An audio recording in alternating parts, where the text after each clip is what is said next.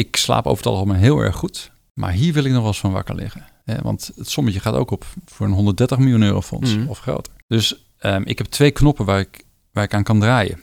Mijn failure rate. Dus als iets niet goed werkt, zo snel mogelijk stoppen. Mhm. Geen geld meer achteraan stoppen. En hopen dat je de juiste proposities Ja. zoekt. Bazen van de meest inspirerende bedrijven aan het woord. Welkom op Sea Nou, we beginnen altijd eventjes gewoon met de elevator pitch. Patrick, Patrick Polak van Nuion. Spreek ik het goed uit? Nuion, ja. Doe eens even de elevator pitch. Wat is Nuion? Uh, Nuion uh, levert uh, toprendement uh, aan aandeelhouders door te investeren in technologiebedrijven in de Benelux, Nordics en Duitsland. Ja, jullie hebben in oktober vorig jaar hebben jullie een, het vierde investeringsfonds ja. alweer gelanceerd. Ja. Dat is eigenlijk een bak met geld uh, die je dan in...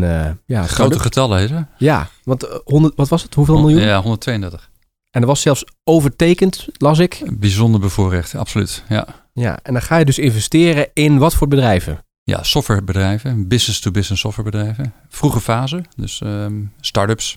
Um, noemen ze 10, 12 mensen bij begin. Misschien 20, 30, maar niet meer dan dat. En dan um, hebben die ondernemers hebben grote plannen. Die plannen klinken goed. Daar stoppen we dan geld in. En dan gaan we met ze aan de slag voor 5, 6, 7, 8, misschien wel langer jaren. En dan investeren we meer en meer en meer. En um, uiteindelijk werken we naar een, uh, naar een exit, zoals het mooi heet, uh, toe. Dus dat we het bedrijf kunnen verkopen aan een strategische partij.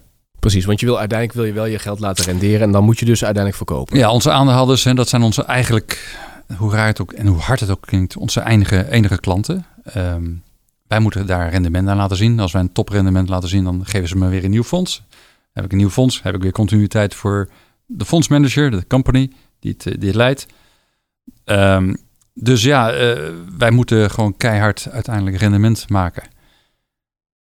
Dat laat onverlet dat wij het liefste werken met die ondernemers. Hè? Um, maar het eindresultaat, dat is rendement. Ja, dan zullen mensen zeggen, ja leuk dat Patrick Polak de gast is in C-Level, maar hij is misschien helemaal geen C-Level, want jij noemt jezelf managing partner bij Nuion. Ja, um, we hebben een organisatie van uh, 10, 12, 13 mensen. Hè? Dus dat is maar klein. En many chiefs, no Indians, hè, zeggen ze ook wel. Dus um, um, managing partner wil niets anders zeggen dat je...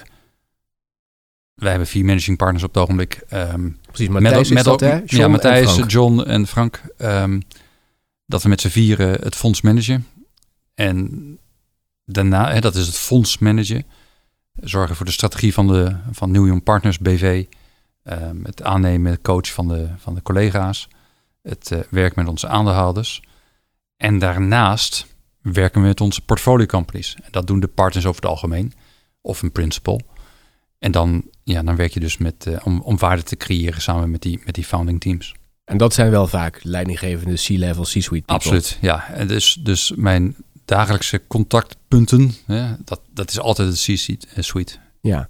Hey, uh, laten we even bij het begin beginnen, want jullie bestaan um, al een hele tijd. 23 jaar en counting. Precies. In 2000 uh, opgericht. December, ja. Jij vertelde, dat is wel leuk om eventjes erbij te halen, hoe het ontstaan is.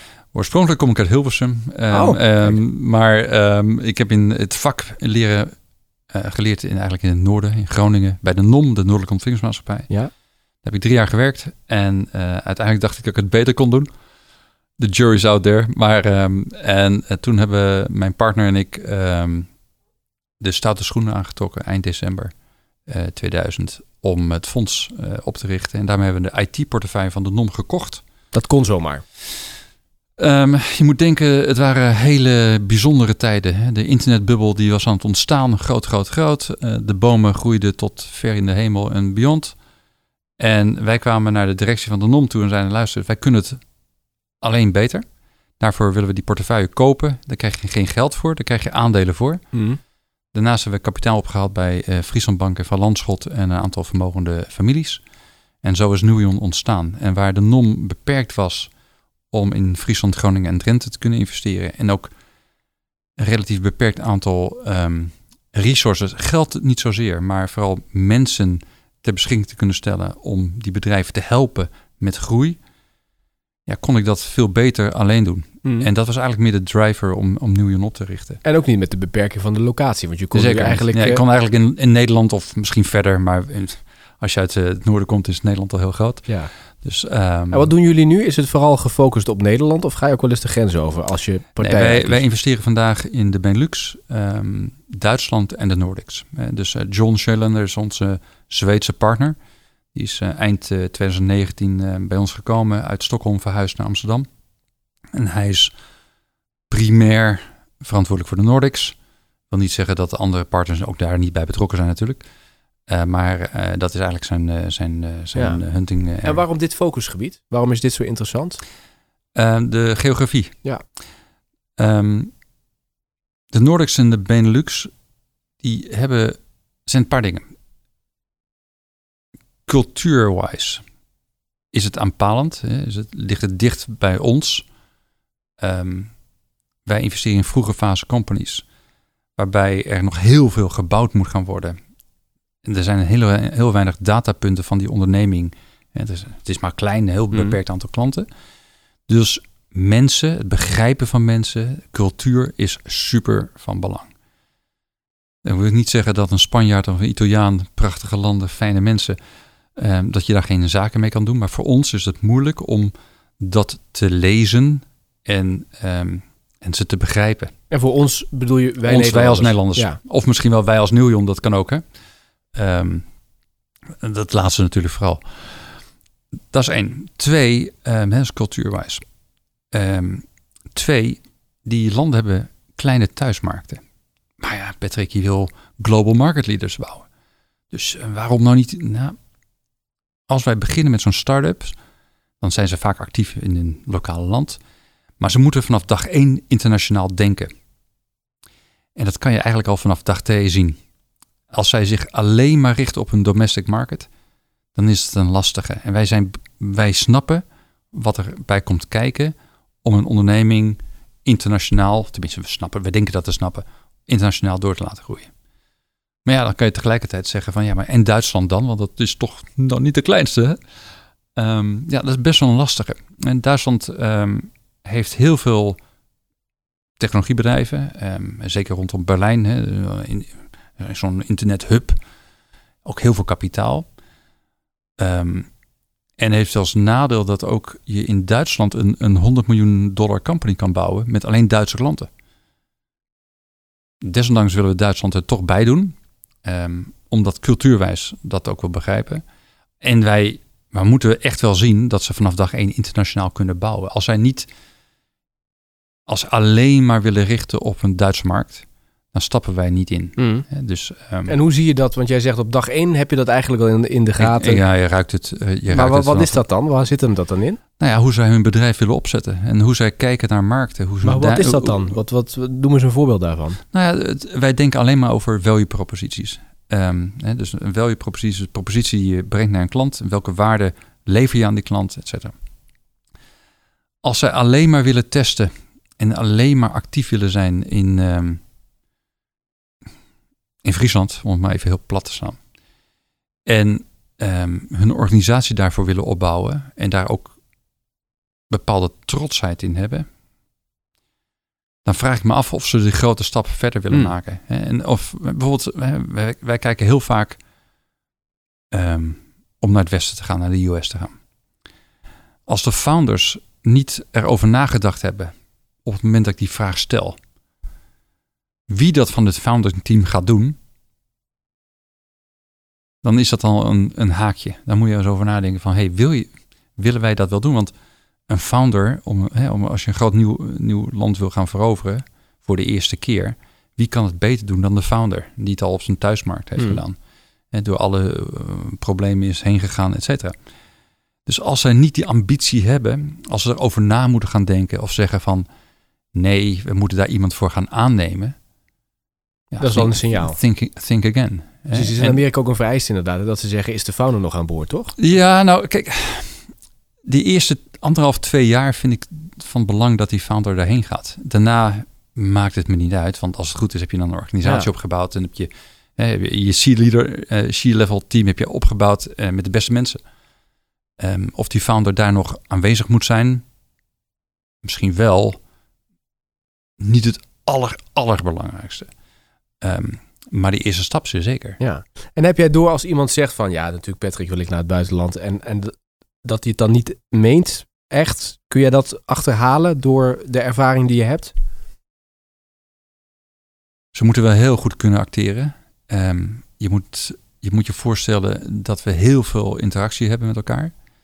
Een, uh, een Finse collega-investeerder die zei ooit eens een keer tegen mij van... Uh, Patrick, ik wil met ze dineren, ik wil met ze lunchen en ik wil met ze ontbijten, maar niet op één dag. En dat is hetzelfde. Hè? Je, eh, je, bent continu aan het, aan het daten, heel lang, voordat je gaat um, verloven en gaat trouwen. Dus um, als ze ja zeggen en, en, en niet doen, dan zijn er waarschijnlijk andere punten in het hele proces waarvan je ook al je twijfel hebt mhm. gekregen. Hè? Dus um, als het een vroege fase company is, je concentreert, ik concentreer mij bijna primair op het management, op, op de founders. Natuurlijk het product en de markt en al die andere zaken, begrijp me niet, dat, dat zie ik bijna als hygiëne. Maar er zijn zo weinig scaling metrics, um, of die zeggen zo weinig nog in het begin, dat de mens het allerbelangrijkste is. Um, maar jij gaat dus ook met ze ontbijten. Die, jij gaat die tijd met ze doorbrengen. Dat doe jij zelf. Ja, ja, ja. Weet je, um, ik, voordat, voordat je zo'n proces, voordat je uiteindelijk bij de notaris zit en een glaasje champagne drinkt, omdat de deal besloten is, het geld is overgeboekt. Ja, dan gaat vier, vijf, zes maanden uh, of misschien wel drie jaar aan vooraf. Hè. Wij hebben soms, voordat we investeren, al anderhalf, twee jaar contact met die founders het is te vroeg, past nog niet, whatever. Maar we vinden elkaar wel leuk en we, we willen wel elkaar al een beetje leren kennen. Ehm, ik, ik heb tientallen bedrijven waar ik ehm, niet dagelijks, ook niet wekelijks, maar wel een paar keer per kwartaal even kort contact mee heb. Of we ooit gaan investeren, ik weet het niet. Er zitten heel veel bij waarvan ik zeg van absoluut niet. Maar het zijn hartstikke leuke founders. Mm. En misschien, misschien kan ik ze helpen met iets, weet je wel. Um, er hoeft niet direct een euro aan te hangen of een waarde aan te hangen.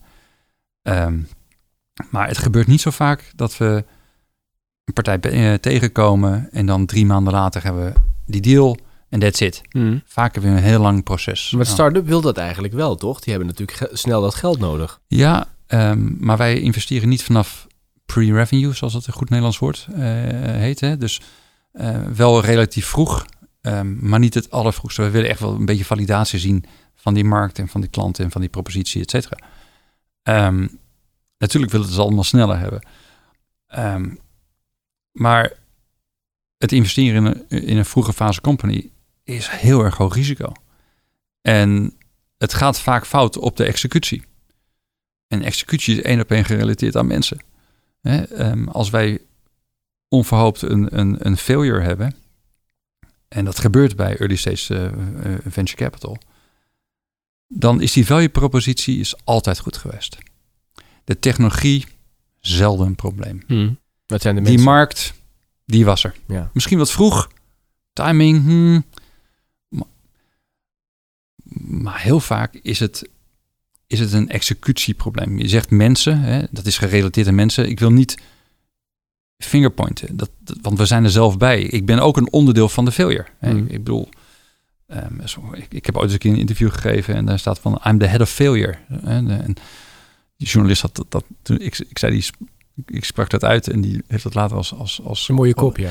Ja, dat is een mooie kop. Jullie journalisten vinden dat mooi. Maar, en wat wil ik daarmee zeggen is van... ik ben verantwoordelijk voor de failures. Ik ben niet verantwoordelijk voor de successen. De ondernemers zijn verantwoordelijk voor de successen.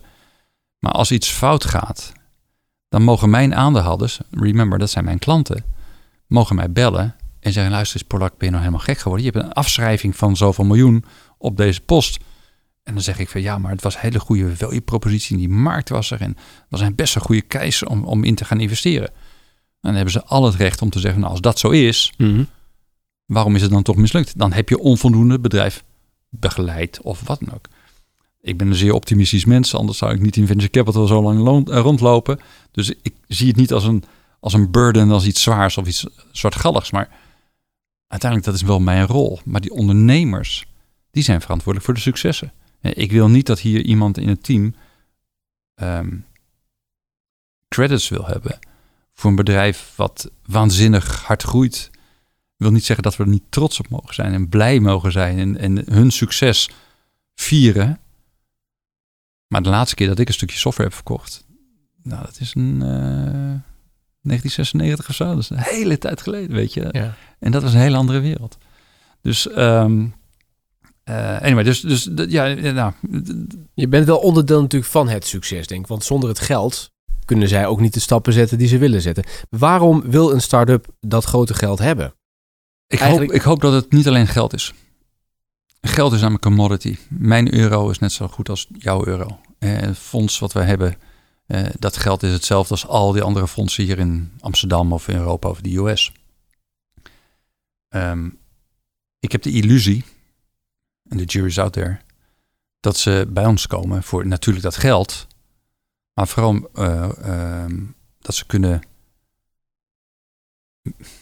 dat ze kunnen profiteren van de ervaring die wij hebben om early stage business-to-business software companies mm. um, te laten groeien naar marktleiderschap.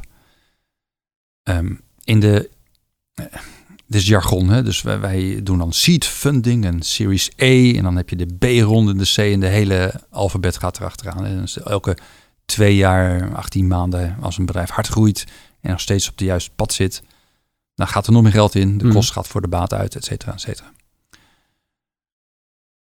in die vroege seed ronde of die Series A, eigenlijk de, als een bedrijf nog onder de 6, 7, 8 miljoen euro omzet zit, dan heb ik de illusie dat, dat ja, geld is belangrijk, natuurlijk, want dat betaalt hè, de mensen, et cetera, de huur. Maar het helpen van het bedrijf op de juiste pad te zitten, ik heb de illusie dat dat nog belangrijker is dan het geld alleen. En uh, wij, wij investeren natuurlijk in BTB software. Maar er zijn ook heel veel dingen waar we bewust niet in investeren. Waarom? Omdat we niet het idee hebben dat we daar echt waarde kunnen toevoegen. Daar hebben we te weinig ervaring in. En dan gaan we meer leren van de ondernemer dan dat we die ondernemer kunnen coachen. Kijk eens hierheen, kijk eens daarheen. Dus heb je overwogen om het hier zo te doen, et cetera. Maar als ik niet weet, als ik niet die ervaring heb, dan kan ik die ondernemer onvoldoende coachen. Is dat eigenlijk trouwens uniek bij jullie fonds dat je dus echt niet alleen geld geeft, maar ook een adviseur die zegt: hé, hey, ik kijk met jou mee, ik adviseer je? Nou, wij adviseren dus niet, we coachen. Oké, dat is een ik, verschil. ik vertel je, ja, ik, ik wil niet zeggen van je moet het zo doen. Nee. Soms denk ik wel eens.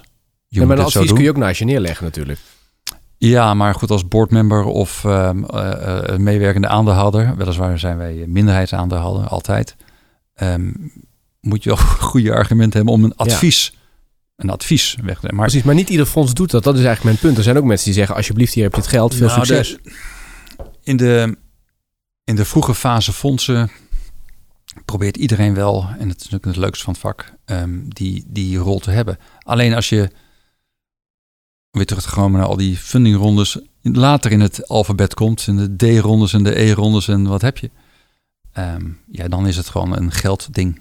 En dan kijk ik, als we in zo'n bedrijf ook zitten, en we gaan weer een, een, een E of een F-ronde ophalen, dan geldt voor mij maar één ding. Dat is hoeveel geld gaat erin en tegen welke waardering. En de toegevoegde waarde ben ik niet in geïnteresseerd. Hmm. Want als het goed is, hebben we al zo'n groot team gebouwd met de beste mensen out there. Die zitten echt niet te wachten op advies van of het, de coaching van Patrick Polak. Absoluut niet.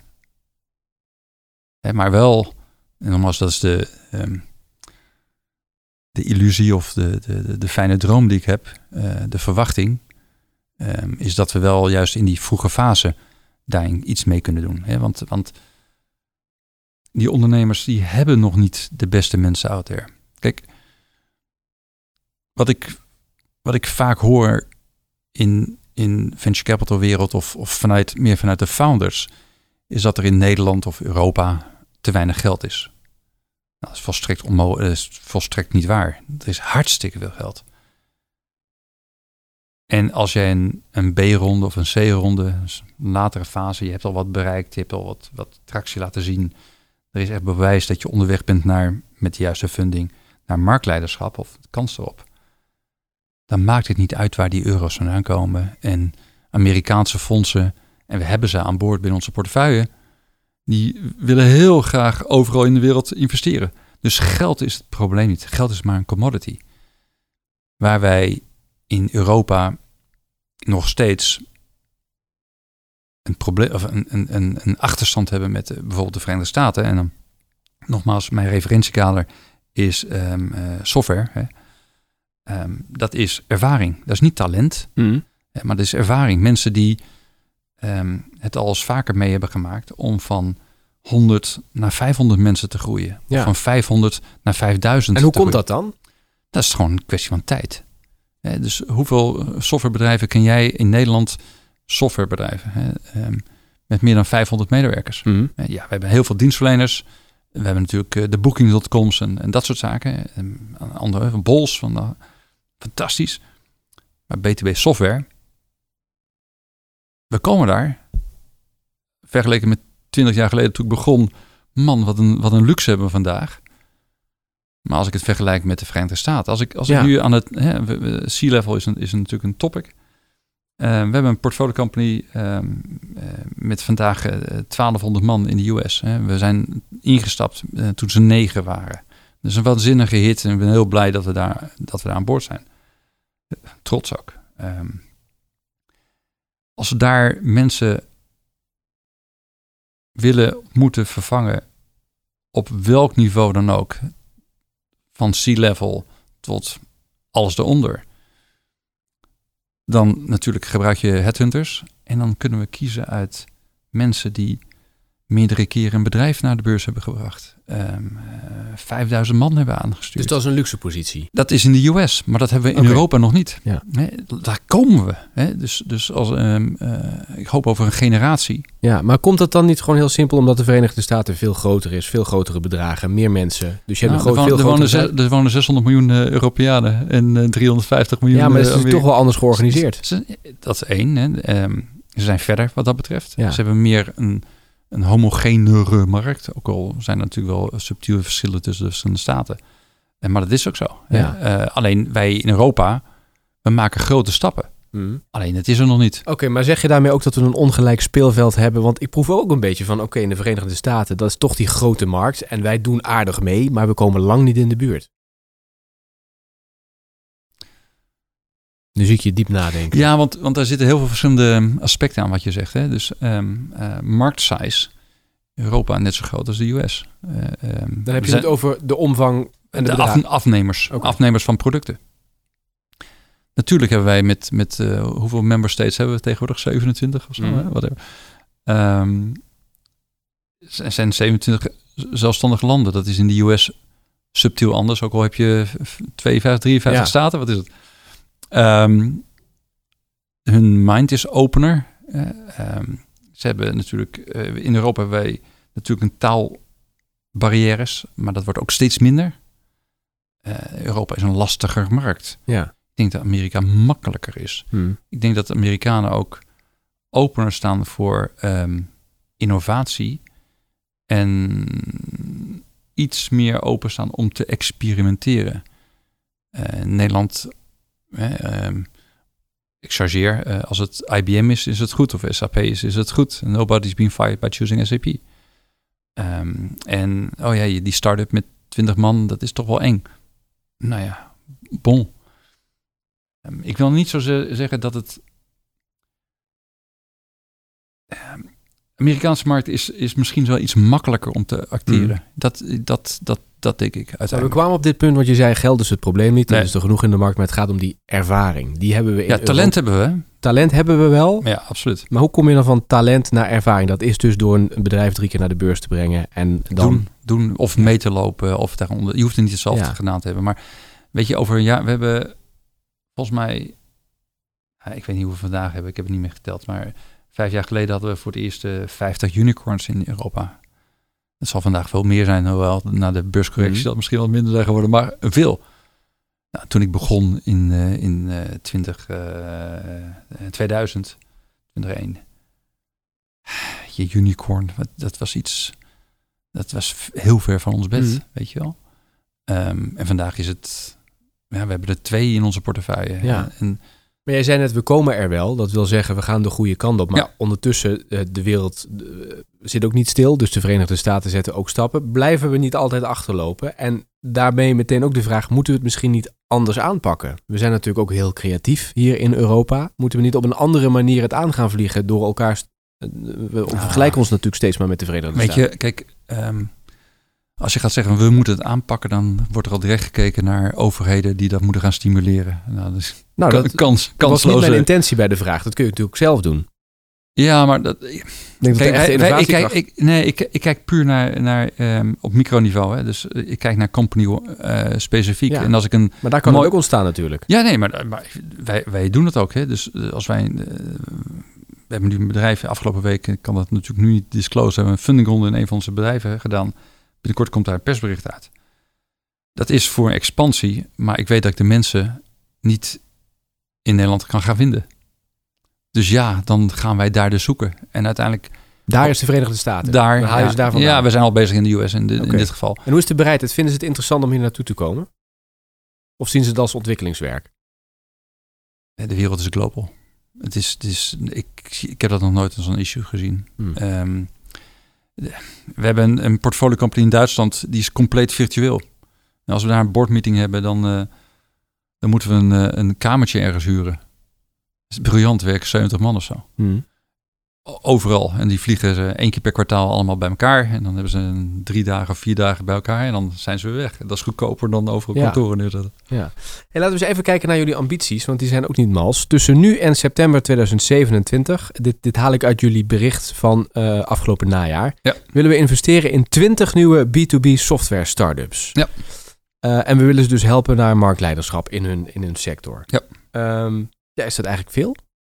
Tussen nu en 2027, we nemen op in 2023, heb je nou, vier jaar de tijd voor? Ja, eigenlijk, nee, dat, het is ergens tussen de 20 en 23 bedrijven. Eh, Zo werkt zo'n fondsmodel. Hè. Ehm, eh, je investeert er tussen, ini- initieel tussen de 1 en 4 miljoen. En je kan eh, de winnaars eh, eh, uiteindelijk supporten tot dan 12, 13, 14 miljoen euro. dat is allemaal geld uit dat vierde ja, investeringsfonds. Oké. ja, en dan, eh, dan investeer je ongeveer 5, 6 bedrijven per jaar. Nou, we hebben de afgelopen ehm, zes, acht maanden hebben we vier investeringen afgerond. En ik verwacht binnen twee weken ehm, nummer 5 en 6 afgerond te hebben. Dus wat dat betreft zitten we perfect op plan. Hmm. Ehm, Zo'n ambitie als 20, 23 bedrijven, dat, dat hoort. Punt. Eh, tenzij er iets gaat gebeuren in de economie of wat dan ook. Dat, ja, ja. dat je zegt van we stoppen eventjes, want er is zoveel iets, zoveel eh, onduidelijkheden of wat dan ook. Hmm. Maar dat ziet er niet naar uit.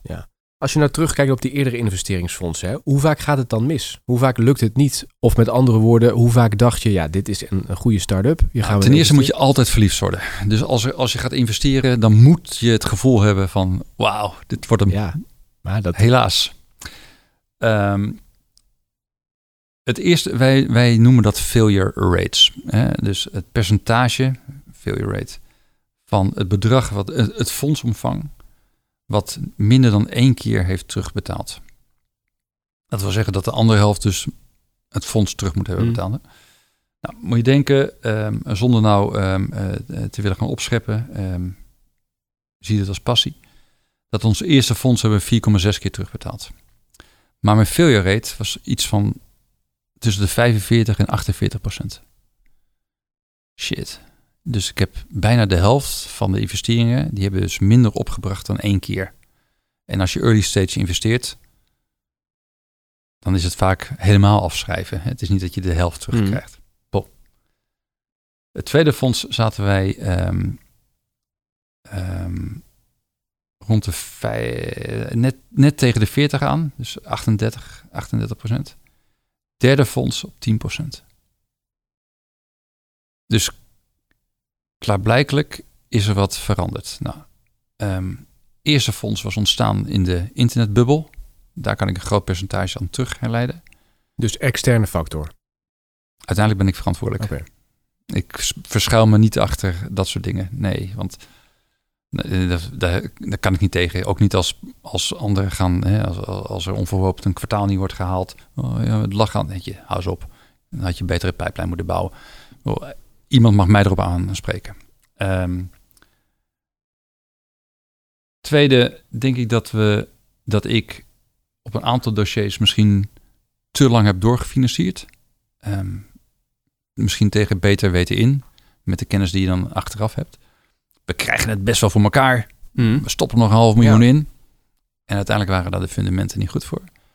Daar kwamen we eigenlijk dan wel achter. Hè? Dus eh, dan ga je toch nadenken over wat, wat is je strategie. Je hebt altijd je, je analyses die je hebt gemaakt. En nou, je leert het nodige. En dat hebben we toegepast naar ons derde fonds. En eh, wat ik zeg, dat, dat is een 10% failure rate. Mhm. En dat is een 85 miljoen euro fonds. We hebben 8 miljoen euro ehm, dan wel afgeschreven. Dan wel dat op dit moment onder 1 minder dan eh, eh, in de boeken staat. En dat komt eigenlijk door drie dingen. Ik denk geluk. Ehm, zonder geluk vaart niemand wel natuurlijk. Maar ehm, ja, je moet toevallig net in de juiste propositie zitten. En het moet allemaal een beetje jouw kant op rollen. Ehm, twee, economie. Het was een 2017 venture fund, een vintage jaar. En sinds 2017 is in onze wereld eh, de, de economie alleen maar harder gegaan. Hè. Wij, wij investeren in digitale transformatie. Nou, niet as Seymour. Ehm, als je niet aan het digitaal transformeren bent, dan ben je ten dode opgeschreven als eh, company. En als derde, dan denk ik dat we ook wel iets geleerd hebben Ja. eh, gedurende de jaren. Dat dacht ik namelijk. Ik dacht, wanneer komt het leren van? Want Nou, maar- ben je niet gewoon beter geworden in wat je doet? Heb je het trucje niet beter door hoe het werkt? Nou, tussen jou en mij, eh, ja. Maar ik heb onvoldoende ehm, statistiek om dat daadwerkelijk te kunnen bewijzen. nou, maar- zijn die percentages niet al voldoende?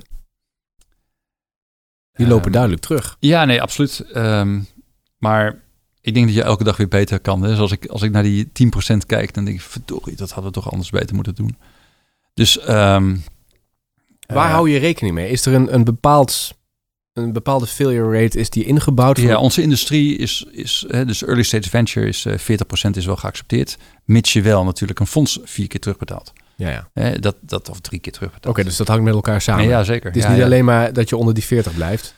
Nee, kijk, onze, onze aandeelhouders, eh, die, die beloven wij, dat weten we natuurlijk pas na zoveel jaar, een, een minimaal drie keer return. Eh, dus ehm, stel je voor, eh, ik maak het even heel simpel. Ik heb een 100 miljoen fonds. En 100 miljoen moet 300 worden. En dat is dan voor de aandeelhouders.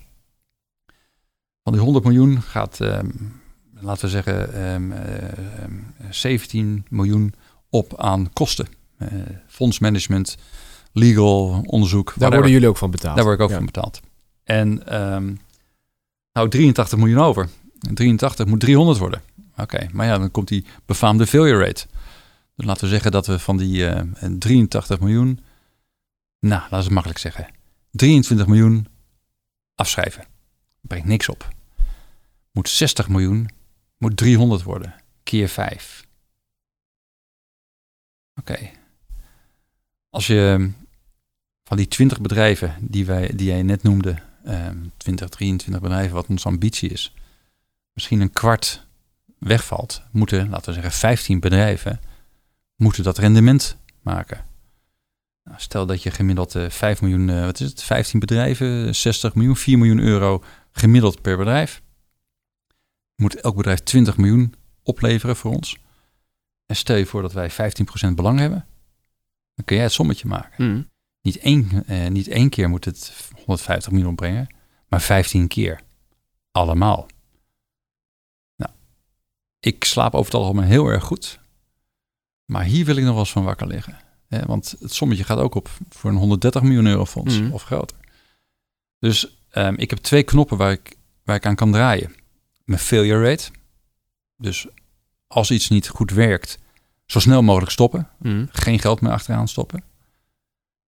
En hopen dat je de juiste proposities Ja. doet. En dat betekent dat je je risico ehm, zo laag mogelijk eh, moet maken. Dat klinkt heel erg niet ja, onsexy of saai of wat dan ook. Maar mijn, hè, als, je, als je praat over unicorns, en geweldige exits. En dat, ah. maar uiteindelijk gaat het mij om risico beheersen. Ja, maar je wilt toch groeien, groeien, groeien, groeien. Ja, maar dat doen die ondernemers wel. ja. En wij moeten die ondernemers coachen. Dat ze niet in de valkuil lopen. Of de, de, dat ze niet de fouten hebben gemaakt die wij met anderen al hebben gemaakt. ja. En dat wil niet zeggen dat je altijd dezelfde fout maakt. Maar dat bedoel ik dus meer op coachend werk dan advieswerk. Ja.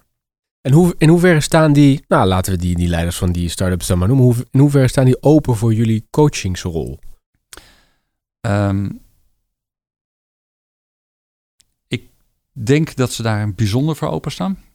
Ehm dit, wij van WC Eend, hè, dus we komen Nou, je kunt het zien toch, als jij zegt van, hey, ja, wat- nou kijk, wat, om heel eerlijk te zijn, er is altijd, ze willen geld. Ehm we zijn natuurlijk niet de enige aanbieder. Nee. Eh, dus het gaat altijd ook natuurlijk over waarderingen, waarop wil je instappen, et cetera. Maar er is altijd een, een van beide kanten, van ons, nou, is een, is een commercieel traject. Ik wil zo graag zaken doen met jou, jij wil heel graag zaken doen met mij. Prima. Daarna gaan we echt met elkaar aan de slag. Hè? Dus maar de voortraject, voordat je investeert, heb je al dat gevoel? Eh, Daar kwamen we net op. Maar dan ga je met elkaar aan de slag. Ik durf te zeggen dat het pas na negen maanden, een jaar, is dat ik een,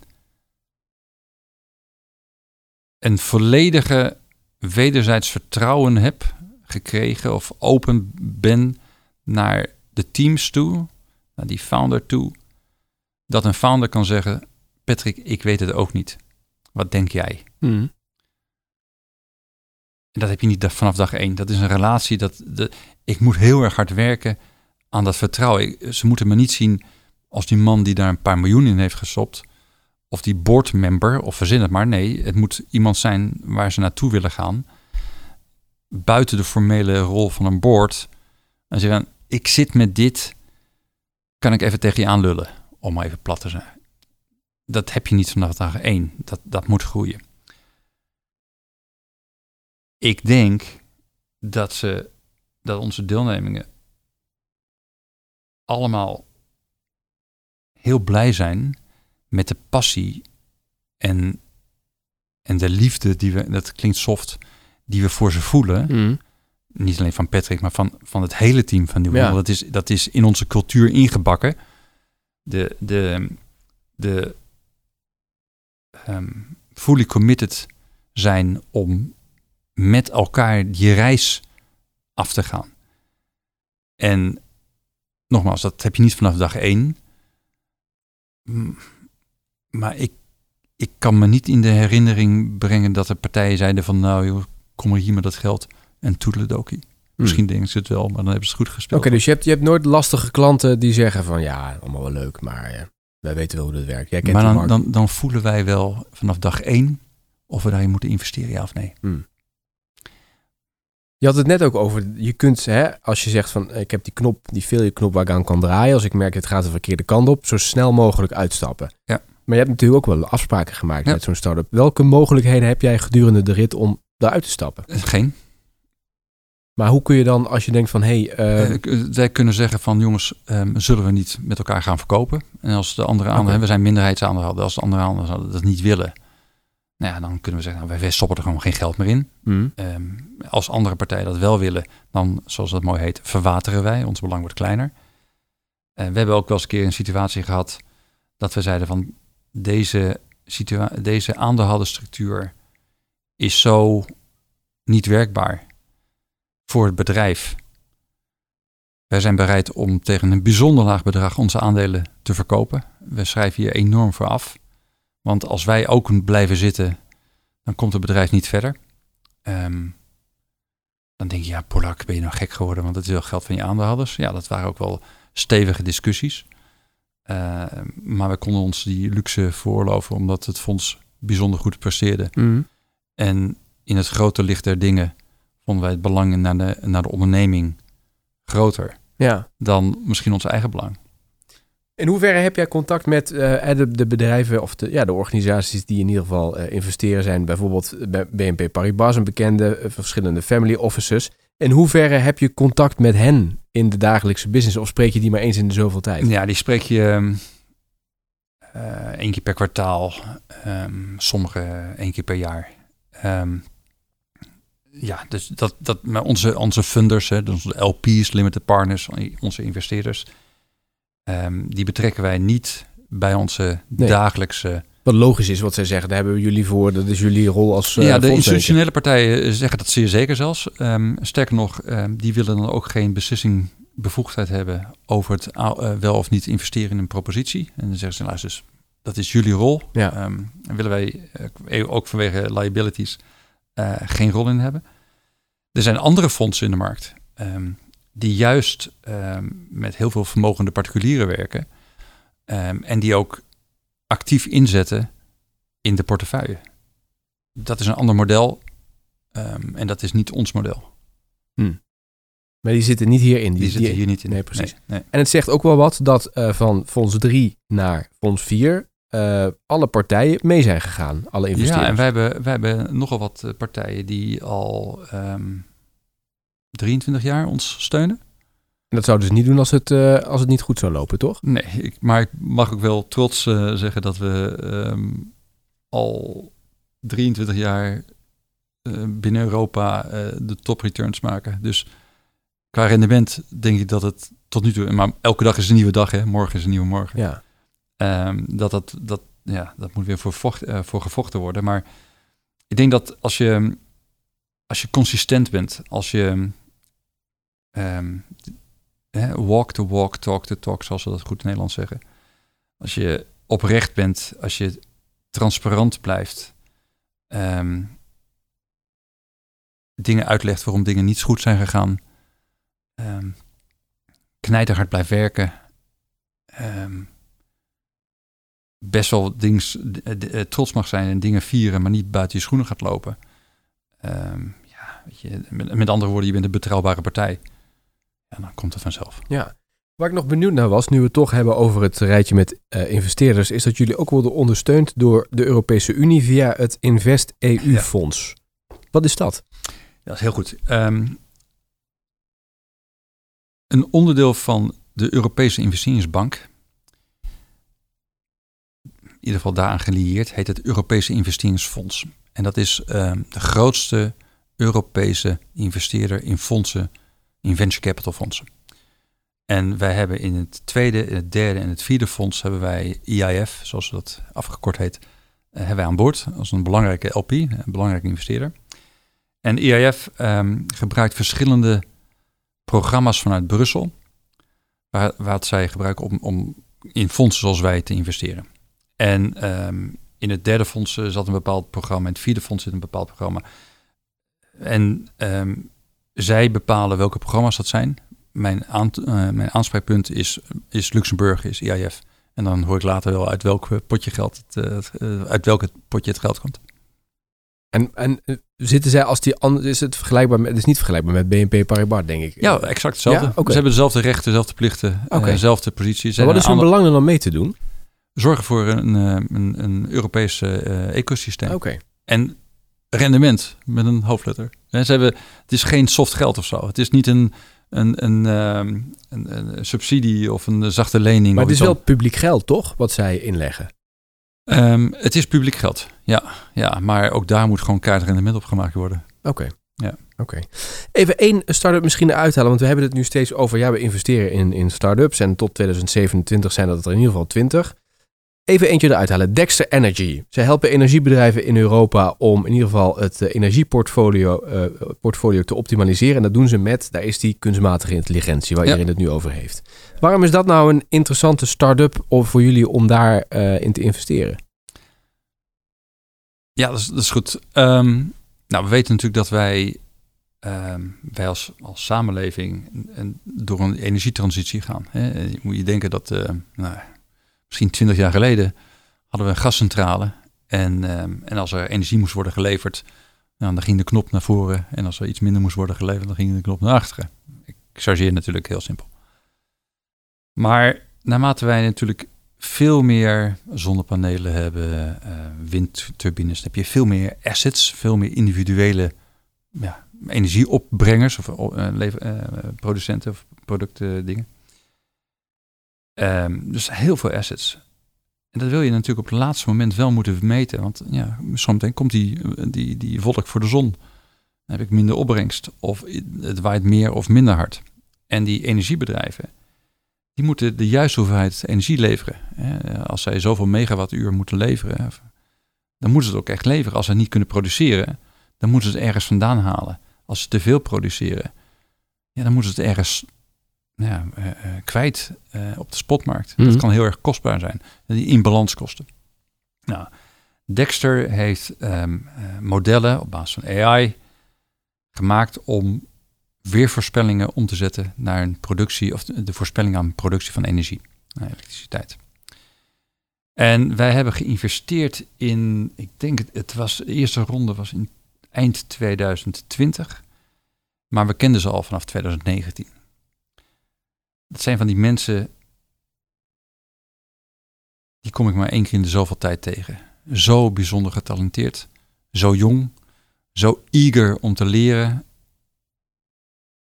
Dat ik Maar denk wat, wat in- is dat dan? Want er zit de universiteit eh, in Eindhoven en in Delft vol mee natuurlijk en in Enschede. Ja, maar uiteindelijk, ehm, me- hoe snel ze leren, hoe snel ze denken, hoe, hoe goed zij zakelijk denken. Maar ook hoe ze vingerwijzingen oppakken en er zelf iets van maken.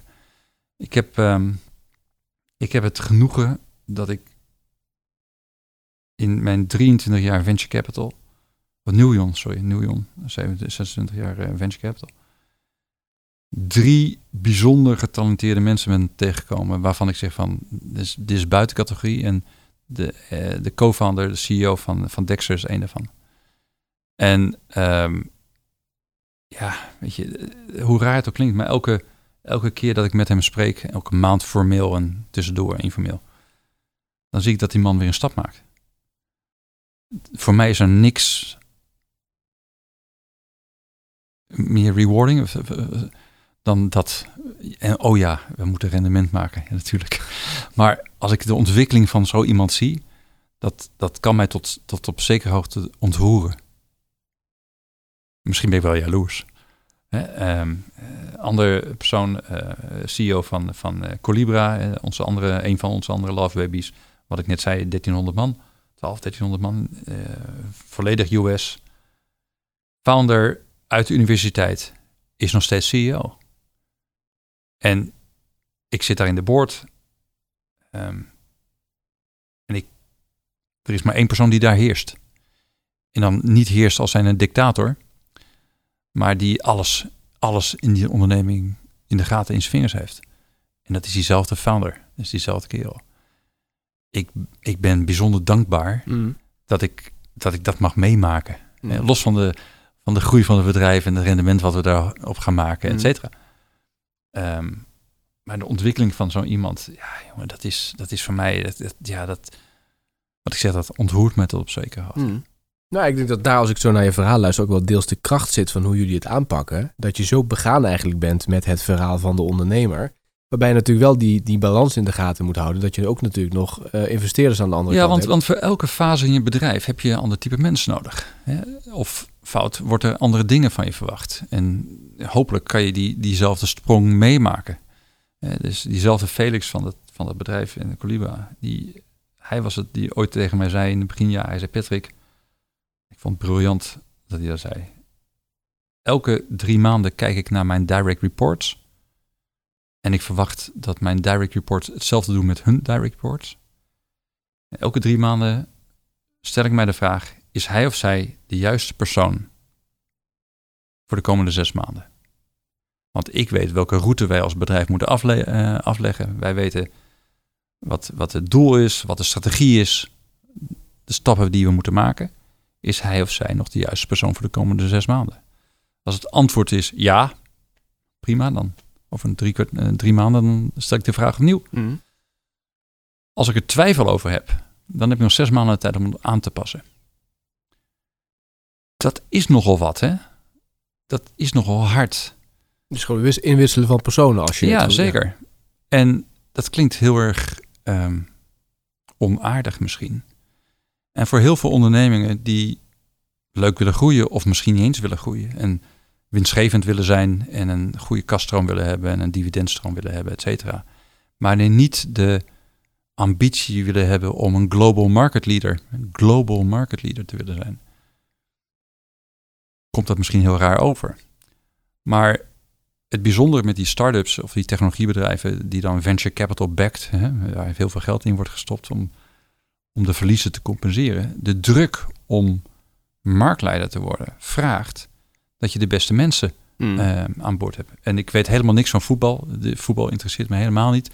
Maar we zitten hier in eh, Amsterdam eh, Zuidoost. We kijken op het dak van het Ajax-stadion, volgens mij, waar ik nog nooit eerder in ben geweest, maar dat tezijde.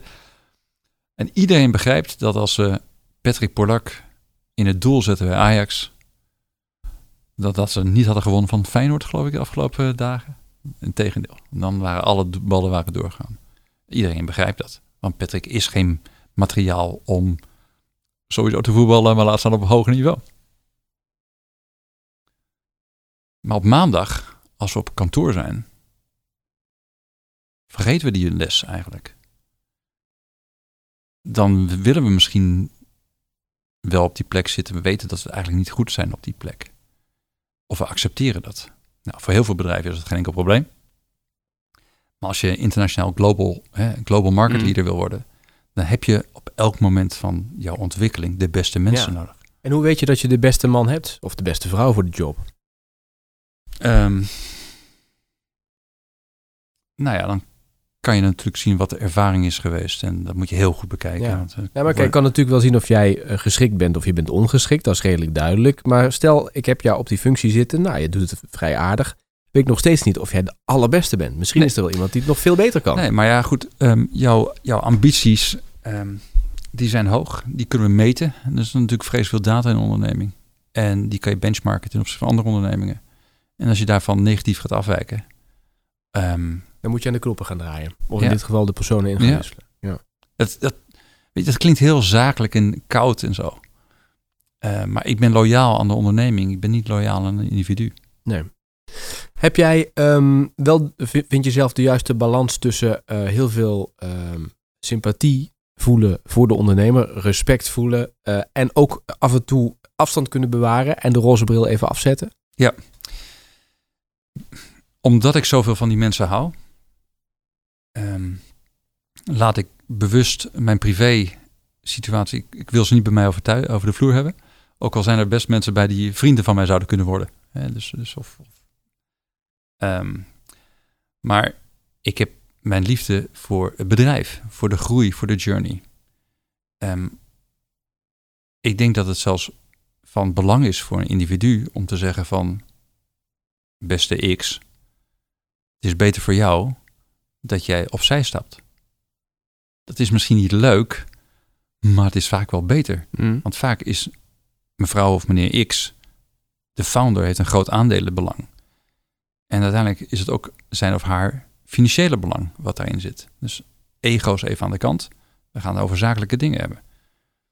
Ehm, ik kan bijzonder goed, zonder enkel probleem, een hele vervelende boodschap geven. Maar wel met heel veel respect. Want ook dat is mijn verantwoordelijkheid. Ik kan iemand die misschien wat minder goed geschikt is voor de huidige fase van het bedrijf, beter maar niet in deze situatie laten zitten. Mhm. Want dan gaat zijn of haar belang eraan.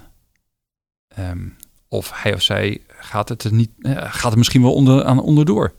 Weet je, ook daar hebben we de verantwoordelijkheid voor. Helderheid, transparantie, eerlijk zijn.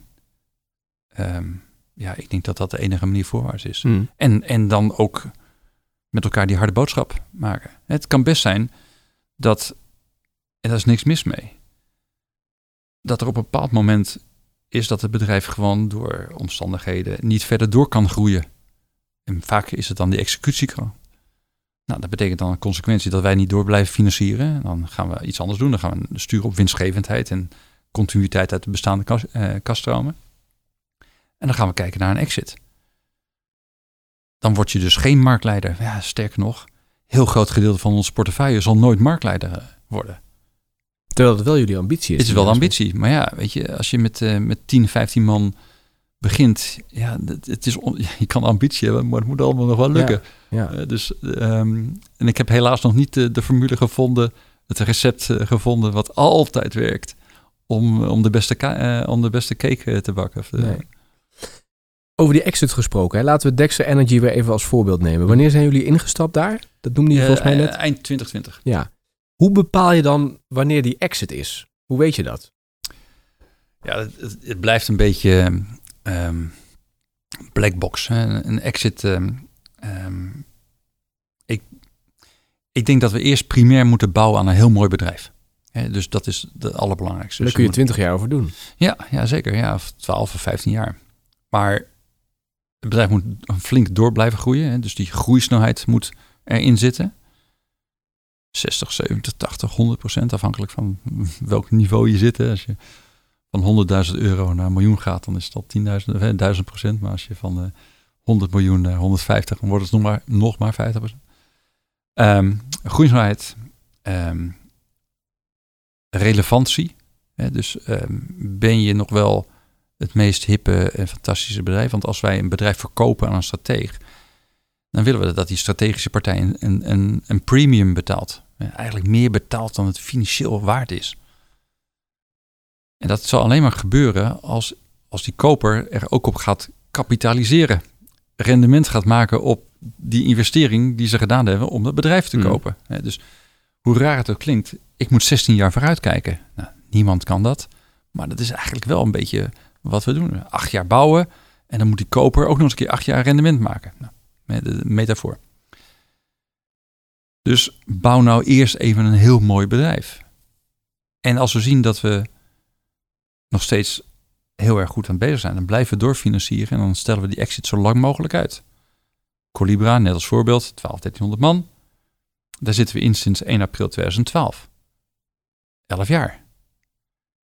Ik ben zo blij dat we de eerdere mogelijkheden al om een exit te realiseren niet gepakt hebben. Want het bedrijf groeit nog steeds fantastisch door. Hetzelfde voor Dexter. Dexter kan nog heel wat jaren hopelijk hard door blijven groeien. Willen nog heel erg hard in door blijven investeren. Maar het moment dat we zeggen van oké,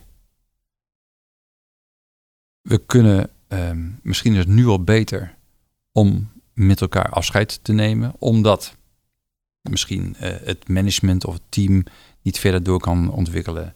Ehm, eh, er zijn andere producten wat aankomen die misschien net zo goed zijn als wij, en met misschien wat meer fun.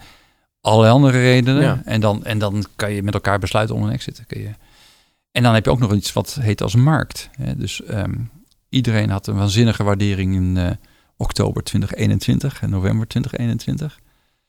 En vervolgens gingen wij met een eh, eh, glijbaan naar beneden in 2022. Overigens nog steeds hoger dan in 2020 hoor, maar dat vergeten mensen heel vaak. Ehm, ja, niemand gaat verkopen in deze markt. Als je denkt dat 2021 de nieuwe normaal was, ja, inderdaad, dan ben je teleurgesteld. Maar goed, eh, ontwikkeling van de markten, ja, weet je, dat, dat, dat, dat geldt ook. Dat, Ja. dat helpt ook. We kunnen het zo nog even over hebben, want er gebeurt inderdaad genoeg. Ik wil nog even weten, hoe keer je rendement uit aan de investeerders? Is Ja, dat, is dat goed. op, op jaarbasis? Nee, het moment dat wij een eh, exit hebben of eh, kapitaal op onze bankrekening eh, eh, komt, dan eh, binnen nou ja, vijf, zes dagen, dan staat het op de bankrekening van aan. maar in de tussentijd zien ze dus hun geld en of, of in ieder geval rendement niet terug. Nee. Maar dan, dat, daarom ook mijn vraag van hoe lang zit er nou tussen instappen en eh, Voor een fonds. exit? Ja, ik zeg altijd, het, het venture capital fonds, het early stage fund, dat moet je als aandeelhouder, moet je kapitaal instoppen wat je niet morgen nodig hebt. Nee, maar hoeveel jaar dan wel? Want op een gegeven moment zul je wel echt moeten zeggen... eerste, je eruit. eerste distributies eh, tussen zeven jaar, zes, Hmm. zeven jaar. Eh, maar trouwens, weet je ook geen garantie dus? nee, maar mijn eerste fonds, eh, het Nuon 1 fonds, daar hadden we na 4,5 jaar hadden het fonds al terugbetaald. Eén grote klapper. Hmm. Ik, ik beloof het niet. Nee. Eh, dat, dat, dat, en het, het tweede fonds hadden we ook eh, vrij snel. Het derde fonds hadden we ook al na drie jaar, drieënhalf jaar hadden we onze e- eerste Ja. distributie. Maar dan Maar even ga daar, niet op, ga daar niet op gokken. Nee. Maar even dan concreet maken om het goed te snappen. Dus dat vierde investeringsfonds, closing was afgelopen najaar. Ja, eh, 3 juli hadden we de eerste closing. Maar Mensen ja, die daar dus, dus investeerders die daar geld ingestopt hebben, die zien dat de komende tien jaar sowieso niet terug. de komende zeven jaar zien ze dat niet terug. Nee, oké. Maar na zeven jaar beginnen ze dan op de deur te kloppen van... hé, hey, eh, Polak, wanneer eh, komt er eens wat? Eh, ongetwijfeld. En, en voert het dan de druk bij jou op? Van, Nee. Oké, Nee, want ik heb verantwoordelijkheid om het maximale voor mijn aandeelhouders eruit te halen. Hmm. Ehm, en men weet dat ze dat geld ehm, lang kwijt zijn. Op het moment dat ik geforceerd word om eerder te verkopen, dan gaat het altijd tegen discounts. En dan, ehm, eh, dan doe ik heel veel aandeelhouders die niet op hun geld zitten te wachten tekort. Ja. Is het alleen eigenlijk voor die grote investeerders of kun je ook als eh, kleine particulier instappen? Ehm, als particulier kan je instappen. We hebben geen retailproduct. Ehm, eh, bij ons is een, ha- een half miljoen is de minimale ticket. Dus serieus geld. En ik zeg altijd, je moet nooit meer dan nou, maximaal 10% van je vrij belegbaar vermogen Mm. Investeren in een product zoals het van ons. Mm. Om juist te garanderen dat je niet na, na, na vijf jaar te gaat bellen van... Hey joh, wanneer komt nou die distributie? Want ik wil een nieuwe boot kopen of zo. Mm. Liever niet. Hè? Dus ehm het is een hoog risico ehm, product. Ehm, maar als het werkt, dan werkt het. Ja. Even voor de mensen die nu zitten te luisteren, die zeggen, oh, dit is een reclamepraatje. Absoluut niet. Het is vooral bedoeld om te achterhalen van hoe zit het precies. nee, nee, oh, nee het, ik, ik, ik verkoop liever nee. eh, ja. Want want ehm, het, we- ja, we, we, we, we hebben nu... Ja, het vierde fonds is nog veel te vroeg, want dat, dat, dat kunnen we- maar onze drie fondsen daarvoor hebben gewoon elk boven de 28% netto IRR gedraaid. Mm. Dat is top, dat is waanzinnig. Ja, Patrick, beloof je dat aan de Nieuwe 4 aandeelhouders? Nee. Precies. En er zat die 15. internetbubbel dus in en ook de financiële crisis zat Ja, ja, beneden en naar boven. Ja. Maar als je consistent bent, je hebt je ding. je- wij experimenteren niet met het geld van onze aandeelhouders. Nee. En, ehm, en dat is nogmaals, is geen, we, we zijn niet aan het fundraisen, dus eh, fijn. Nee, want het vierde fonds is nu Is gesloten. ja. gesloten en het Ja. vijfde fonds is nog niet geopend. Nee, dat Nee. gaan we pas eh, in 2025 eh, gaan we daarmee beginnen. En nog even een paar vragen en dan kunnen we dan nog even tot slot wat ontwikkelingen in de markt bespreken. Hoe vind je nou, nou ja, bijvoorbeeld zo'n zo'n zo'n Dexter? Ehm, eh, is dat gewoon zoeken? Zij, heb jij adviseurs om je heen die zeggen, hey Patrick, hier moet je echt eens naar kijken, dit is fantastisch. Ja, er zijn, zijn eigenlijk drie dingen. Ehm, eh, zoeken. Hè, dus, eh, Maar waar? Ja, Op internet? we, ehm, ja, oh ja, absoluut. Wij, wij volgen heel veel bedrijven. We hebben applicaties draaien, zelf ook gebouwd, die luisteren, ik noem het altijd luisteren naar ehm, LinkedIn, andere social media, om te kijken hoe of bedrijven zich ontwikkelen en meer En dan posten. ploppen dan potentiële... Ja. Oké. Daarnaast waar zoek, je, waar zoek je dan op? met mensen, go- goede mensen. Ehm, of gewoon activiteiten, eh, posten en andere zaken. Maar veel belangrijker is natuurlijk eh, deal in. Dus er komt gewoon via de voordeur ehm, eh, mensen die ons benaderen.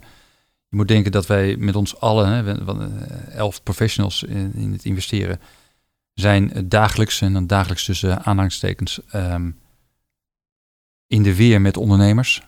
Eh, en ondernemers kennen ondernemers. Ehm, en we komen op borrels en feesten en partijen en, en eh, events. En als laatste, eh, die events, dat is belangrijk, ehm, waar pitching events zijn, waar je elkaar ontmoet. Ja. Maar dan hoeft het nou niet direct te zijn dat je vandaag funding nodig hebt. Hè, ehm, dus partijen die ons benaderen, die hebben funding nodig. Partijen die wij bezoeken of, of die we, waar we een relatie mee aangaan. Ja, dat is, dat is ja, lange termijn werk. Ja. Ik heb een keer meegemaakt, dat was dan niet in deze business, maar de mobility wereld, zo'n pitch event. Ik was daar dan de host en daar zat inderdaad volgens mij Achmea. Ja. Die vond het interessant om te kijken van wat biedt zich hier aan. Dus dat is een belangrijke ook eh, voor Ik, jullie. heb van zo, eh, nogmaals, ehm Colibra kwam ik in maart 2010 tegen in een pitching event. Ik, ik was moderator en eh, Felix, CEO. Het was nog veel te vroeg. Ze deden iets met semantic search on data, whatever. Eh, hij was net droog achter de oren, of misschien nog niet eens. En het enige waar ik aan kon denken was aan... wat de fuck, ook al gaat hij zo meteen aardappelen verkopen... zodra die bepaalde fase is, dan wil ik aan boord zijn. Want ik zag het, ik zag het talent Ja. van die man afdruipen. Ja. En, en de wijze waarop hij mijn domme vragen wist te beantwoorden... Hm.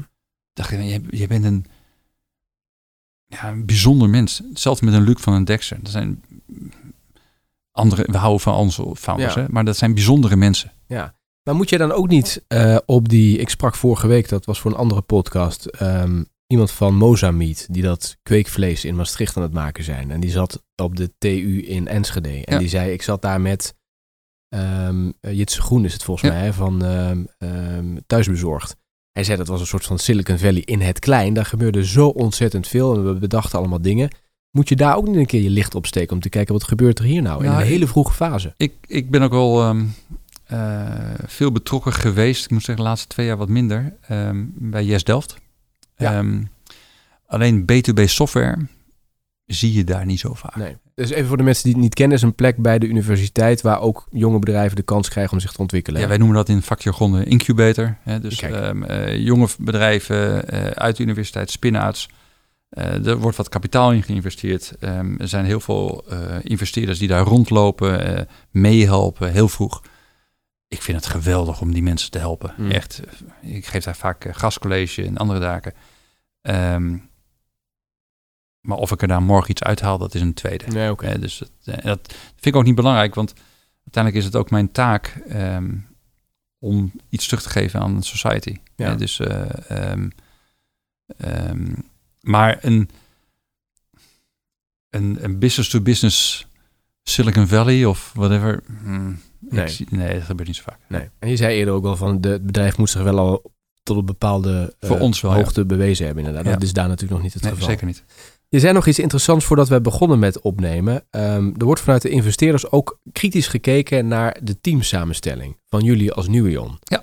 Ehm, en dan hebben we het over diversiteit, inclusiviteit. Dat is voor steeds meer bedrijven belangrijk. Ehm, niet op de laatste plaats, omdat daar ook vanuit de wetgevers op gedrukt wordt. En mensen moeten gaan meten binnenkort. Hoe raakt jullie dat? Of, of laat ik het anders vragen. Op welke manier beïnvloedt dat jullie team? En wie er voor jullie werkt? Ja, ten eerste is het alleen maar fantastisch dat we een, een divers team hebben. Dus ehm, we hebben vandaag ehm, ehm, Ik zag jullie fotootje inderdaad wel veel witte mensen nog, hè? Ja, met, heel interessant. Hè? Dus eh, wij kijken daar niet naar of wat dan ook. Hè? Maar ja, dat klopt. Maar we hebben eh, iemand uit Duitsland, Albanië, eh, Zweden, en België, nou, Nederlanders. En mannen en vrouwen ook. Een man en vrouwen. Ja. Hoe is de verhouding nu? We hebben vanda- vandaag, als we, as we speak, eh, twee vrouwen. Ik denk dat we naar drie of vier gaan, want we zijn bezig met, eh, met, met hunten. Vrouwen in onze venture capital wereld ehm, is, een, is een schaars goed. Klinkt een beetje ehm, alsof het een product is, maar dat wil ik zeker niet zien. Maar omdat terecht overigens ehm, er gevraagd wordt, er gekeken wordt naar je samenstelling van een team, omdat diverse teams belangrijk hè, om, een propositie goed te beoordelen. Ehm, ik, hebben altijd eh, vrouwen in ons team gehad. En mannen en vrouwen kijken naar hetzelfde onderwerp op, met verschillende manieren, op verschillende manieren. En dat is alleen maar goed om al die aspecten van alle andere kanten te kunnen be- bekijken. Eh, wij hebben afgelopen jaren eh, geïnvesteerd in, eh, in, in analisten en associates, die dan vervolgens alweer worden weggekaapt door andere fondsen. Omdat, het, omdat die mensen dan hopelijk dan goed zijn opgeleid, zo zeg ik dat maar eventjes. En ze zijn schaars. En ze zijn schaars. En, ehm, en het. Ik denk dat de laatste vier jaar, vijf jaar dat echt een, een topic is geworden. Ehm, het zal nog wel vier, vijf jaar zo duur door, eh, doorgaan voordat het normaal is. Ehm, we hebben een aantal jaar geleden eh, wilden wij eh, het team uitbreiden met een partner. Uiteindelijk is, is het John geworden vanuit Zweden. We hadden een vrouwelijke headhunter eh, genomen om expliciet te kijken, een, wens te hebben om een, om een vrouwelijke partner aan boord te hebben. Zelfs lukte haar niet om, om op de longlist iemand te zetten, eh, eh, een vrouw te zetten die vanuit een partnersituatie zou kunnen komen. Dat vond ik bijzonder eh, frustrerend. En dan, met, en dan is onze, onze eis is business-to-business software ervaring. Ik wil niet zeggen dat er geen vrouwelijke partners out there zijn, hè? want die zijn er en die zijn ook goed. Eh sterk nog, er zijn de fondsen als eh, Carmijn Kapitaal, eh, die primair, hè, zo'n private equity fonds, primair investeren in, in, in mixed teams. En die hebben zelf ook een groot mixed teams en founders en vrouwen. Briljant. Maar in B2B software zijn ze met een, nou ja, met een lampje te zoeken. En dat was, dat was echt voor mij heel tegenvallend. Dus ja, Maar ik kan me wel, want je zegt het wordt, er wordt om gevraagd. Ik zei al, de investeerders vragen erom. Ja. Maar ik kan me ook voorstellen dat de start-ups eh, waarin jullie investeren, dat die het ook prettig vinden dat jij zo'n team, een divers, diverser team hebt. Ja, ik heb de vraag nooit gesteld. Dus ik, ik, kan, daar niet, ik, ik kan daar niet ja of nee op antwoorden. Ehm, Maar ik kan me voorstellen dat in jouw zoektocht, die je heel goed hebt omschreven in deze podcast, hè, van gaan we nou wel of niet investeren? We moeten die persoon leren kennen. Dat doe je niet alleen vandaag. Daar heb je misschien wel een week, misschien wel een maand voor nodig. Dat, ja, dat- dat- maanden. Ja. maanden. Maar dat, dat ook hoe diverser je team is, ja, hoe meer ja, voelsprieten je hebt en hoe meer informatie je ook ophaalt. Ik, ik, ga, ik, ik denk het wel, maar ik heb het nooit gevraagd. Hè. Dus ehm, eh, ehm, ik denk dat dat het vooral ook is. Ik, ik kijk nooit naar een individu. Hè. Dus ik, ik, ik ga er vooral vanuit dat de cultuur die wij bij Nieuwion hebben, dat dat aanspreekt, uh, aanspreekt bij, Mm. bij founders. En, ehm, en dat moet zijn transparant, open, snel, ehm vakinhoudelijk. Maar denk je ook niet dat een, dat een vrouw misschien als ze dus eh, zo'n gesprek heeft met zo'n potentiële start-up, dat zij andere informatie mee terugneemt Nee, nee absoluut. Dat, dat, dat, dat zei ik net. Hè. Dus, dus, dus ehm, ehm, mannen en vrouwen, daarom hebben we vrouwen ook, ook in het team. eh, die kijken op een andere manier naar, een, naar hetzelfde ding. Ja. En komen dus met andere informatie terug. Ja. En brengen dus een, een extra beeld naar voren. Hè. Ehm, Dus jij kunt je werk ook beter doen, in principe. en ik kan een hoger rendement halen. Eh, of ik kan mijn failures bepa- eh, beperken. Hmm. Ehm, eh, dus zeker. Maar het interessante is, ehm, daar hebben wij een tijdje geleden ook eh, naar gekeken. We hebben maar een heel laag percentage vrouwelijke founders die überhaupt bij ons een propositie aanbrengen. En dat is, dat is raar, want wij selecteren daar niet op. We kijken niet naar, maar dat is enkele procenten. En dan praat je echt tussen 1 en 5 procent. Is het nou dat er geen vrouwelijke founders zijn? Nou, nogmaals, in business-to-business software is toch wel mannen gedomineerd. Door mannen gedomineerd. Maar, maar wij zien, we hebben één vrouwelijke CEO en we hebben één co-founder CEO, zeg ik eventjes uit mijn hoofd. Dat is, dat is raar. Hmm. Dat is heel raar. Hmm. Maar, Ja. weet je, en als ze dan zeggen van ja, Patrick, je, je selecteert erop of wat dan ook.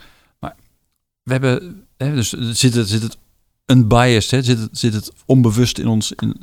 Nee, want we hebben gekeken naar gewoon alles wat binnenkomt. En dan blijkt dat er toch maar een heel laag percentage is. Dan denk je dat we nog een relatief hoog scoringspercentage hebben. Drie founders, vrouwelijke founders die binnenkomen, die we dan nog converteren. Ja, dat is ook, interessant. er lopen nog wat eh, eh, gesprekken om nieuwe mensen aan Ja. te binden. Eh, nou, misschien als dat dames zijn die, of misschien Graag. kennen, hè, dan meld je aan in ieder geval. Zeker. En even een paar ontwikkelingen nog. Silicon Valley Bank en alle gevolgen daarvan, ook in Zwitserland, hebben we gezien. Maak jij je zorgen daarom? Ehm, ik maak me zorgen over die dingen waar ik grip op heb. Hmm. Hier heb ik geen grip op. Nee, maar oké, maar is het, dit- is het wel een belangrijke gebeurtenis? Denk je van, Nee. Of denk je dat het nu wel in... Ik denk dat, ehm, dat ehm, er in Silicon Valley Bank goed is ingegrepen. Ehm, ik ken een van de boardmembers van Silicon Valley Bank eh, persoonlijk. Onvoorstelbaar wat er in vijf, vijf uur is gebeurd. Eh, anyway, ik denk dat een losstaand... Ik ben geen macro-econoom. Een losstaande situatie is geweest. Ehm eh Credit Suisse is ook een ander, ander verhaal. Eh, ehm, Maar het creëert natuurlijk wel onrust ja, nee, maar in onrust de is, markt. Ja, maar als ik nu kijk naar hoe de beurzen er weer voor staan, dan is dat hele verhaal met eh, Silicon Valley Bank en, en Credit Suisse is weg. Mhm. De beurs staat hoger dan ever dit jaar. Dus ehm, ehm, kijk, wat we ook niet moeten vergeten, en dat en ik snap niet dat we dat niet vaker noemen, is dat de waarderingen in onze branche ook op de beurs, natuurlijk krankzinnig waren opgelopen. Ja, omdat er enorm veel kapitaal de markt in werd gepompt. Hè, met, met negatieve rentes voor, voor particulieren of, of nul rentes. En, ehm, en als er geen rendement wordt gemaakt op rentedragende producten en dat soort dingen, dan gaat men op zoek naar andere alternatieven. Lees alternative investments. En een onderdeel daarvan is de bank, is de beurs en onder andere producten zoals wij hebben. Dus in die producten die wij hebben, private equity asset class, komt plotseling veel meer geld. Er zijn weinig bedrijven die dat vele geld kunnen hebben. Dus waar vraag en aanbod is, gaat die prijs omhoog. Weinig mooie assets, relatief. Heel veel geld. Die assets konden vragen wat ze wilden. Waardering ging omhoog. Een, eigenlijk is dat een soort van, nou ja, weet je, eh, een doorlopend traject. Nou, dan loopt vervolgens loopt die rente gaat oplopen. Er komen alternatieven. Die waarderingen gaan naar beneden. En iedereen raakt in paniek. Nou, als jij nu kijkt naar Nasdaq, en dan Nasdaq noem ik gewoon al even als, als, een, als een datapunt waarop je kan zeggen van nou weet je, dat is ongeveer iets wat, wat de markt bepaalt in technologie. Hè. Nasdaq wordt gedomineerd door technologiespelers in allerlei verschillende technologieën. Die was in maart 2020 voor COVID 9000. Vandaag, begin april, net voor de kerst, uh, net voor de Pasen, 12.000. Ja, hij piekte in 16.000. Mm. als je een lijntje legt, hè, je, je, kijkt naar de grafiek van Nasdaq over de laatste 10 jaar en je legt lineaal Mm. van 10 jaar geleden tot aan vandaag, is hij bijna lineair. Er is alleen één pukkeltje op. Dat was 2020 en 2021. Dat was dus niet de nieuwe normaal. En als we nu gaan roepen van, oh jongens, de markt naar beneden en paniek en wat dan ook. Nee. Mm. Natuurlijk zijn wat dingen veranderd, Ja, maar niet fundamenteel. nee, precies. Ik geloof ook wel oprecht dat je dit ook eh, zo ziet. En, en misschien is het ook wel jouw taak om onrust weg te nemen. Wat Klaas Knot natuurlijk ook doet. Want je wil natuurlijk geen onrust in die markt Ik ben blij dat ik vergeleken word met Klaas. Nee, nee, maar dat is natuurlijk wat jij. Wat, wat kan jullie ook raken? Stel dat het wel die olievlek wordt. Dat is nu gelukkig niet het Het geval. raakte mij in eh, 2001 bij de ontploffing van de internetbubbel. En het fundamentele verschil was echter dat toen de business stopte. En vandaag loopt de business Ja, ja, in mijn wereld. Ja. En, weet je, nogmaals, al- wij, wij, wij, wij zitten op de koers van digitale transformatie.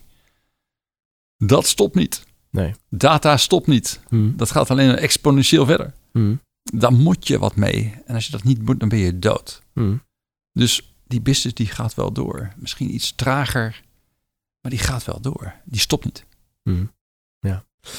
Heb jij eh, tot slot ehm, bepaalde zaken die jij gebruikt om geïnspireerd te raken? Je hebt al voorbeelden gegeven van de prachtige start-ups waar je mee samen mag werken en die jou inspireren. Maar daarnaast heb jij eh, boeken die je leest? Heb je ik- films, series die je... Ik, ben, eh, ik ben geen gelovig mens, maar ik heb één boek en dat noem ik altijd mijn Bijbel. Ja? En dat, En dat is? dat is ehm, van het boek van Steve Blank, een professor in Californië, volgens mij Berkeley. En het boek heet The Startup Owner's Manual. En dat is een eh, 300 pagina dik boek, heel erg saai. Het is een manual, een handleiding. En toen ik dat boek in, wat is het, 2012, 13 voor de eerste keer las, toen realiseerde ik mij waarom ik zoveel fout had gemaakt in het begeleiden van portfolio companies. Of waar per ongeluk de dingen goed waren gegaan. Het, was echt, het is echt een boek over ja, het bouwen van een internationale schalende start-up.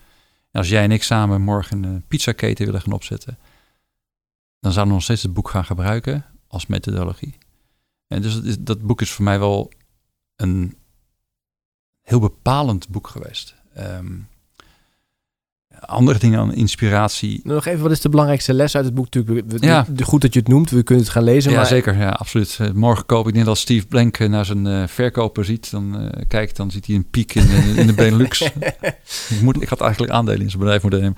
Maar ehm, eigenlijk is het steeds werken met je value propositie, dat heb ik in het begin al geroepen. Werken vanuit hypotheses, nadenken van waarom zou dit gaan werken? Hoe ga ik dat valideren? Dan ga je het testen. Dan ga je kijken of het echt zo heeft gewerkt. Ga je het aanpassen even nodig. En dan ga je weer volgende stap maken. Dus eigenlijk hele kleine incremental baby steps maken. Ja. Meten, meten, meten, valideren, nadenken. Eigenlijk wat ik daarmee zeg is werken aan je bedrijf en niet in je bedrijf. Eh, werken aan een langetermijn strategie, jazeker. Weten waar die, waar dat, waar dat, dat, dat vlaggetje ergens neerzet. Hmm. We willen samen naar, naar Rome wandelen. Fijn, ergens in het zuiden. We hebben een kompas. En daar staan de coördinaten een beetje op. We weten ongeveer welke kant we op moeten. Zuidoost, zou ik zeggen, hier vanuit Amsterdam. Maar elke stap die we maken, realiseren dat het ons de eerste stap is die we doen. Dus we moeten wel voorzichtig zijn. Hmm. En dan kan je langzamerhand, hoe meer ervaring, hoeveel meer data je hebt, kan je grotere stappen maken. Maar niet denken dat jij, als je vandaag aan het kruipen bent, dat je morgen een sprint kan rennen en eh Usain Bolt eh, kan verslaan. Of een marathon kan rennen. Nee, daar, daar moeten allemaal stappen tussen. Heel erg filosofisch neergezet. Maar Steve Blank heeft dat, dat, valideren, testen, valideren, meten, teruggaan aan, tot kunst verheven. Nou, en daar heeft hij dan 300 pagina's over geschreven.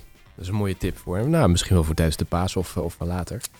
Hey, we hebben op 16 juni hebben wij de Thought Leaders Day. Ehm, dat is een dag waar er uh, doorgepraat wordt over zaken die wij vandaag hebben aangestipt, maar ook over heel veel andere zaken. Triple Helix, om maar eens even een duur woord te gebruiken, komt daar samen. Dus we hebben het bedrijfsleven, we hebben wetenschappers. En de, ja, de overheid weet ik eigenlijk niet of het is. Dat, oh dat, weet ik, dat moet ik even aan de organisatie vragen. Maar wat ik wil zeggen, je kunt erbij zijn op 16 juni. Uh, linkje om je aan te melden staat in de show notes van deze podcast. Scroll even naar beneden, dan zie je hem vanzelf. Ik vond het heel leuk, Patrick, dat jij je verhaal wilde vertellen. Het verhaal van Nieuwion. Als uh, je vragen hebt aan Patrick, uh, we zullen je contactgegevens even ook in de beschrijving zetten. Kunnen mensen contact opnemen. Of via LinkedIn of whatever. Precies. Ja, zeker. Dank voor je gastvrije ontvangst en voor het delen van dit mooie verhaal. Graag gedaan. Dit was Sea Level, een podcast van T-Talks met CEO's die het verschil maken. Wil je deze CEO als spreker op je event? Check dan t-talks.nl. En het enige waar ik aan kon denken was aan wat de fuck, ook al gaat hij zo meteen aardappelen verkopen, zodra die bepaalde fase is, dan wil ik aan boord zijn. Want ik zag het talent van die man afdruipen.